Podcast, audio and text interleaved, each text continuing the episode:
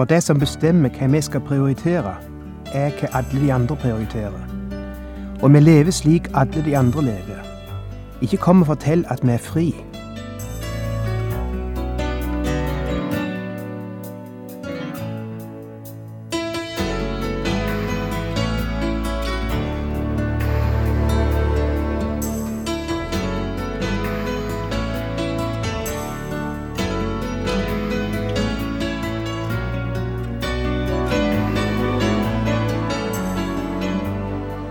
Hjertelig velkommen til et nytt program i serien Vindu mot livet.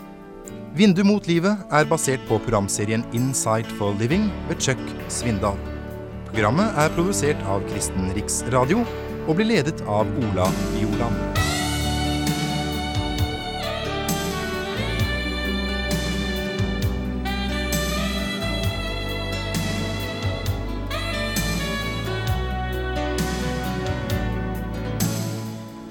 Da jeg var prest i Chicago, bodde vi i ei blokk like ved sida av kirka. Rett utenfor huset, når jeg satt på kontoret og så ut vinduet, så så jeg rett inn i en statue med en stor skulptur på toppen. Skulpturen var av en stor ørn som lufta vengene klar til fly. Det gikk ikke en dag uten at øynene mine falt på ørnen, og mange ganger ble jeg sittende lenge og bare sjå og tenke. I tusenvis av år har ørnen blitt beundra for sin prakt. Det er noe imponerende med ørnens flukt. Vengespennet, de kraftige klørne. Den glir så uanstrengt høyt der oppe, tilsynelatende uberørt av vindkastene over fjelltoppene og mellom fjellsprekkene. Ørnene flyr ikke i flokk, og de opptrer veldig ansvarlig bestemte, sjølstendige, og med kvaliteter som vi gjerne beundrer. Ørnen har en og samme mage hele livet, og det kommer alltid tilbake til samme reir hvert år og utfører nødvendig vedlikeholdsarbeid og reparasjoner. Den tar del i omsorgen for familien sin, beskytter den imot farer og lærer ungene å fly. Ansvar, frihet, skjønnhet, fasthet, stabilitet og et dusin andre beundringsverdige trekk ser ut til å være vevd inn i ørnens makeup. Kvaliteter som får meg til å være enig med Salomon når han sier at det er én ting han aldri ble ferdig med å undre seg over, og det er ørnens flukt over himmelen. Kanskje det er fordi det er så sjelden vi ser ørnen, at vi aldri kan glemme de få gangene vi fikk sjå dens flukt. Jeg elsker friluftsliv, og jeg har hatt noen turer oppover fjellet med fiskestonga, eller innover dalene langs lakseelvene. Ikke bare fiskinga, men opplevelsen av de fantastiske ting i naturen. Og høydepunktet har vært de to-tre gangene jeg har sett en ørn i flukt. Heilt uanstrengt ser det ut som den blir båren av luftstraumen som går under de massive vengene og stiger oppover, hvor den vil. Den vert båren oppover. Jeg vert så betatt av det synet, og hver gang tenker jeg, tenk om jeg kunne stige som ørnen, oppover, flyte på vinden, spenne ut vingene.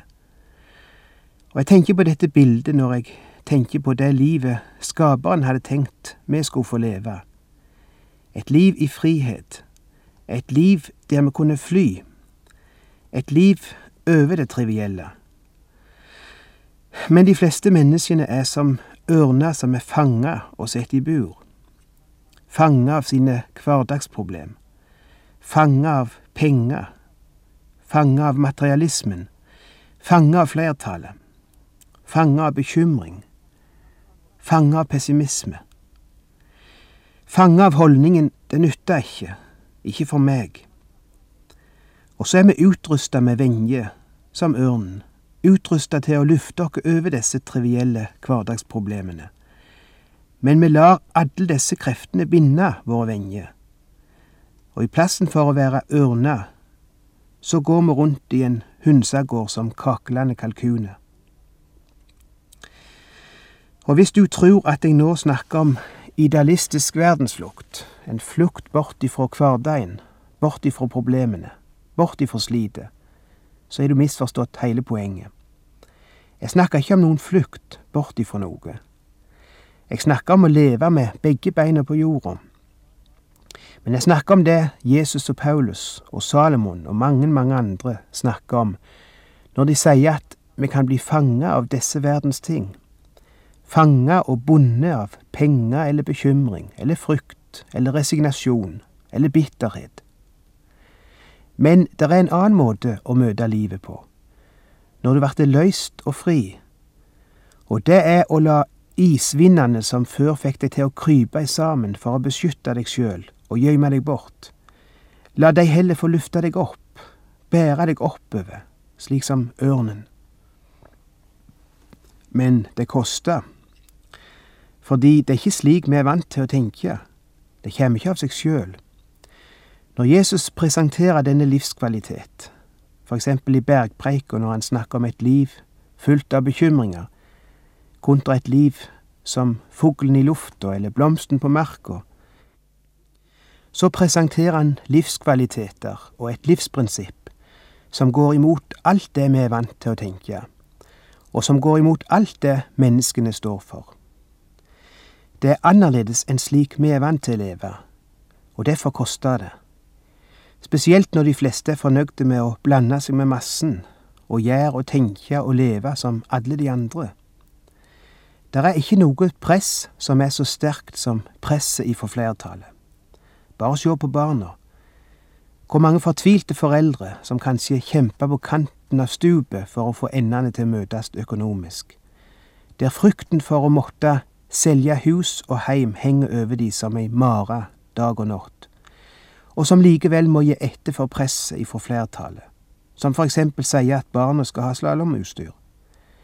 Jeg holdt på å få sjokk da jeg kom tilbake fra Amerika julen 89 og fikk høre at alle barna hadde slalåmutstyr. Det var bare sånn, og jeg måtte ikke tro at jeg ville slippe utenom det. Og minst 16 gir på sykkelen, eller var det 18, jeg husker ikke.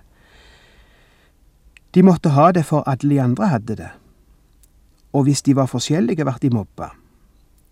Og vi som ikke hadde snø hele vinteren i 1990, og ikke fikk oppleve en eneste skitur. Men det spiller ingen rolle, for det som bestemmer hva vi skal prioritere, er hva alle de andre prioriterer. Og vi lever slik alle de andre lever. Ikke kom og fortell meg at vi er fri. Eh, det er et eksempel jeg har brukt eh, før, men jeg vil gjerne gjenta det i dag, for det, det sier noe om dette med gruppepress. Det var for noen år siden ei gruppe amerikanske psykologer som foretok et interessant eksperiment med tenåringer for å finne ut hvordan en person mestrer gruppepress. Planen var enkel. De førte inn grupper på ti og ti ungdommer i konfirmasjonsalderen inn i et rom. Deretter ble hver gruppe på ti bedt om å rette opp hånda når læreren pekte på den lengste linja på tre forskjellige ark. Altså, han, han holdt opp tre forskjellige ark med tre linjer på hvert ark. Ei kort linje, ei litt lengre og ei enda lengre. Så skulle han peke på linjen etter tur, og når han pekte på den lengste, skulle elevene rette opp hånda. Hva en av de ti ikke visste, var at de ni andre i rommet på forhånd var blitt bedt om å stemme på den nest lengste linja, slik at de skulle rette opp hånda når læreren pekte på den nest lengste linja, og late som om de mente at det var den lengste.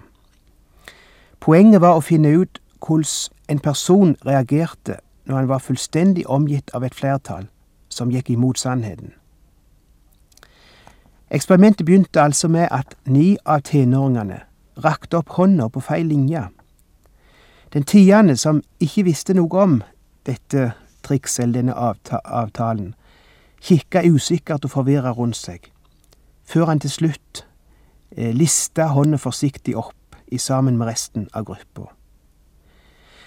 Det andre arket vart så vist, med tre nye linjer, og det samme gjentok seg. Gang på gang satt altså denne forsøkspersonen der og sa at ei kort linje er lenger enn ei lang linje. Simpelthen fordi han mangla mot til å gå imot flertallet, til å være annerledes. Og dette bemerkelsesverdige resultatet ble oppnådd i 75% av forsøkene. Og resultatet gikk igjen òg når det gjaldt andre aldersgrupper enn disse konfirmantene.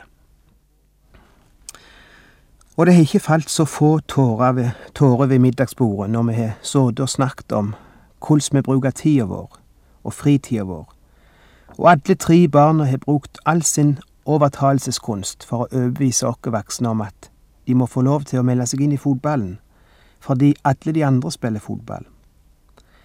Og jeg spør hvor ofte er det trening, og de svarer to kvelder i uka pluss kamper i helgene. Og jeg har ikke noe imot fotball, bevares, jeg er crazy for fotball sjøl, og jeg flyr på fotballkampene som gal når Bryne eller Viking spiller. Og for de som skal spille på toppnivå, så innser jeg at det må ta det meste av tida. Men hvis ikke det er målet, å gjøre det til sitt yrke, er det da verdt å bruke så å si hele sin fritid på fotball? Jeg prøvde å spørre de. Jeg har så lyst til at vi skal gjøre òg andre ting. Gjerne lære å spille et instrument, være med i en klubb, reise på tur, være sammen heime, gå på møte sammen, se en film i sammen, kanskje et godt teaterstykke. Jeg har ikke lyst til at livet deres skal verte bare fotball, om det er aldri så gildt. Det fins så mange andre verdier òg som jeg vet de vil takke for resten av livet at vi tok tid til å prioritere. Vet du hva de svarer da? Ja, men pappa, jeg er den eneste i klassen som ikke går på fotball. Alle de andre gjør det. Og alle spør hvorfor ikke jeg kan begynne. Da må vi bruke mye tid og mye kjærlighet, men òg en del fasthet, for å forklare barna at vi ønsker ikke å gjøre ting fordi alle de andre gjør det. Vi ønsker å gjøre ting som vi har lyst til, om vi så skal verte de eneste. Vi ønsker å gjøre det vi syns er viktig, om vi så skal bli mo aleine. Vi ønsker ikke å være bundet av flertallet. Vi ønsker å være fri. Vi ønsker å fly.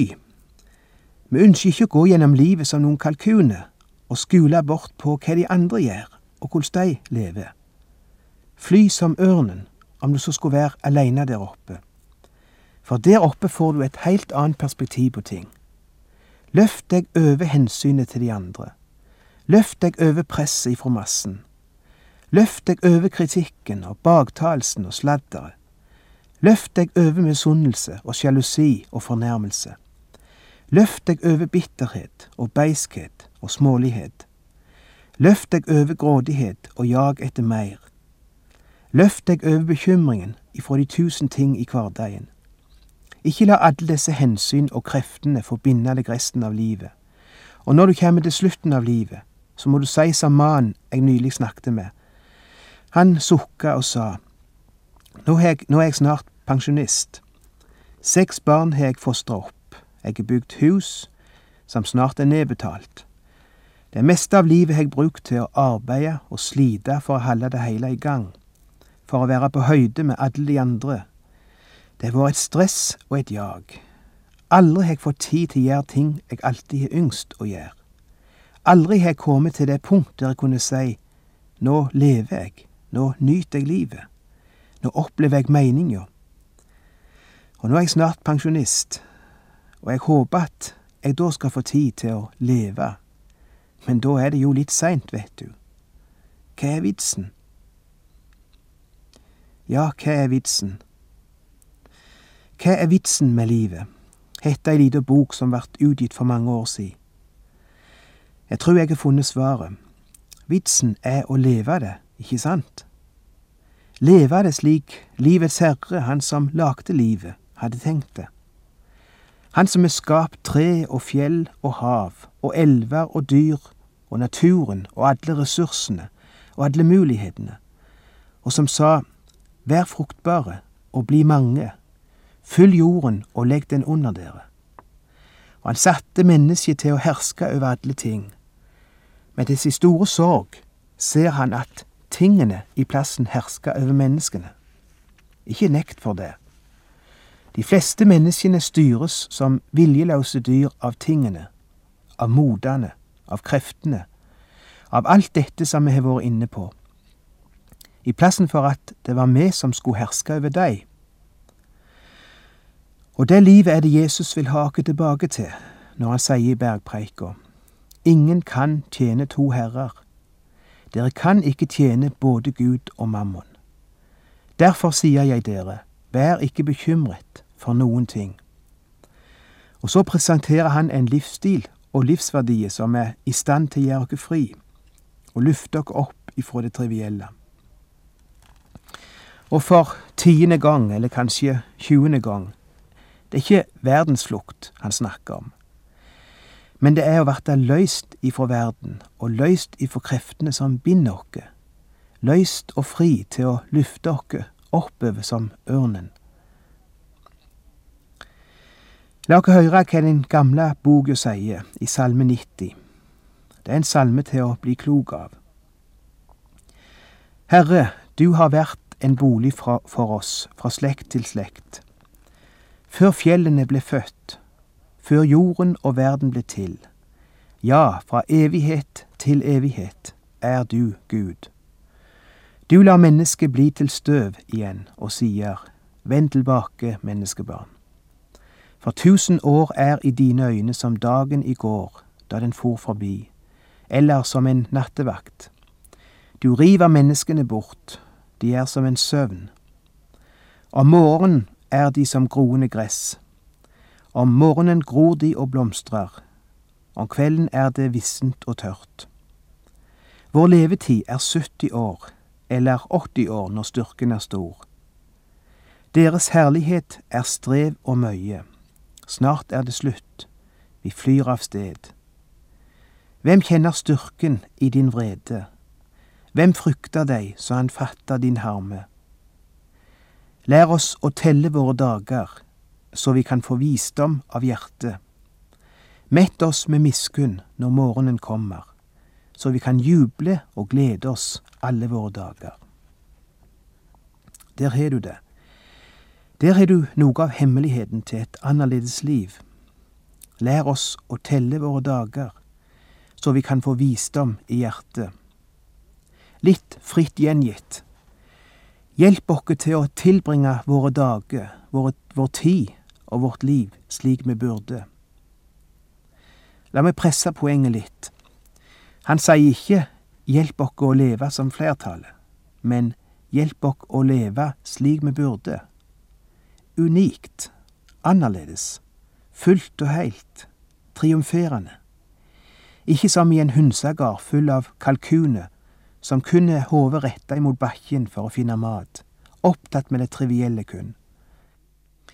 Men som en uavhengig, fri, tenkende, sterke ørn som lever på et annet nivå, som stiger fritt.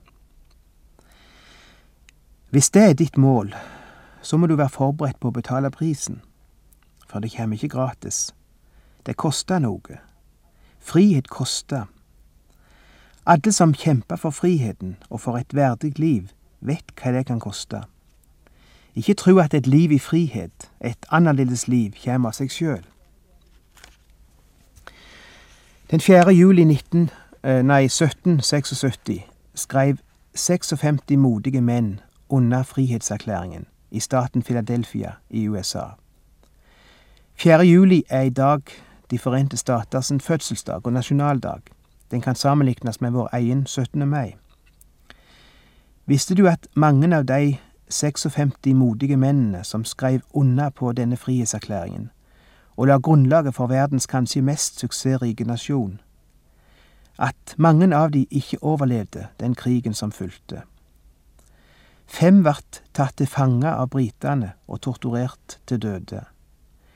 Ni andre døde i revolusjonskrigen enten av utmattelse eller av geværkulene.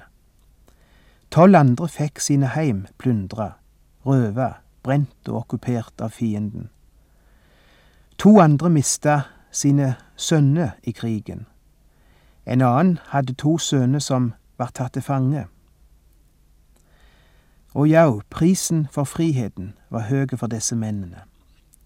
Men bestemmelsen for å bli fri å tenke og leve annerledes og uavhengig, å stige over massene, det er alltid en kostbar bestemmelse. Det er forsagelse, det er arbeid, det krever mot å være annerledes. Men jeg vil ikke gå gjennom livet og være bonden av alle de andre, og på slutten stå og se tilbake og si, hva var vitsen? Hva oppnådde jeg? Hva fikk jeg ut av livet? Bare fordi jeg var bonden og ikke fri. Jeg vil heller la det stå til. Ta sjansen på å være annerledes. Ta sjansen på å verte litt misforstått og kritisert, og søke å finne livet slik skaperen hadde tenkt det. Og sjøl om menneskene og Satan har tatt ifra oss det livet, så er Jesus kommet for å gi oss det tilbake. Har du lagt merke til alle de gangene Jesus taler om livet, og hvordan det skulle være, og hvordan det kan verte hvis du er villig til å følge hans oppskrift i livet? På bryllupsdagen vår fikk, vi, fikk jeg plukke ut en av salmene vi skulle ha i kyrkja. Eller kanskje vi plukka de ut sammen, jeg, jeg husker ikke så klart. Men det var iallfall min salme, og det er det fortsatt. Jeg ønsker at det skal være mitt livsprogram, og at denne bønna og denne bestemmelsen skal prege mitt liv og gjøre det annerledes og godt og meningsfullt. Du som veien er og livet, Dei vi har vårt håndslag givet, dei det er på hvem vi tror. Mellom alle verdens røster, din er ene den som trøster. Led oss i ditt hyrdespor. Hjelp oss på de trange stier, støtt oss i de bratte lier. Sval oss unna dagens brann. Vokt oss på de glatte stene, trøst oss skal vi vandre ene, du som alltid vil og kan. Gi at deg vi følger etter. Styrk de små, de svake krefter. Bøy vår vilje, smelt vår tross. La ditt navn i hjertet brennes, så ved deg vi her må kjennes, og du hist må kjenne oss.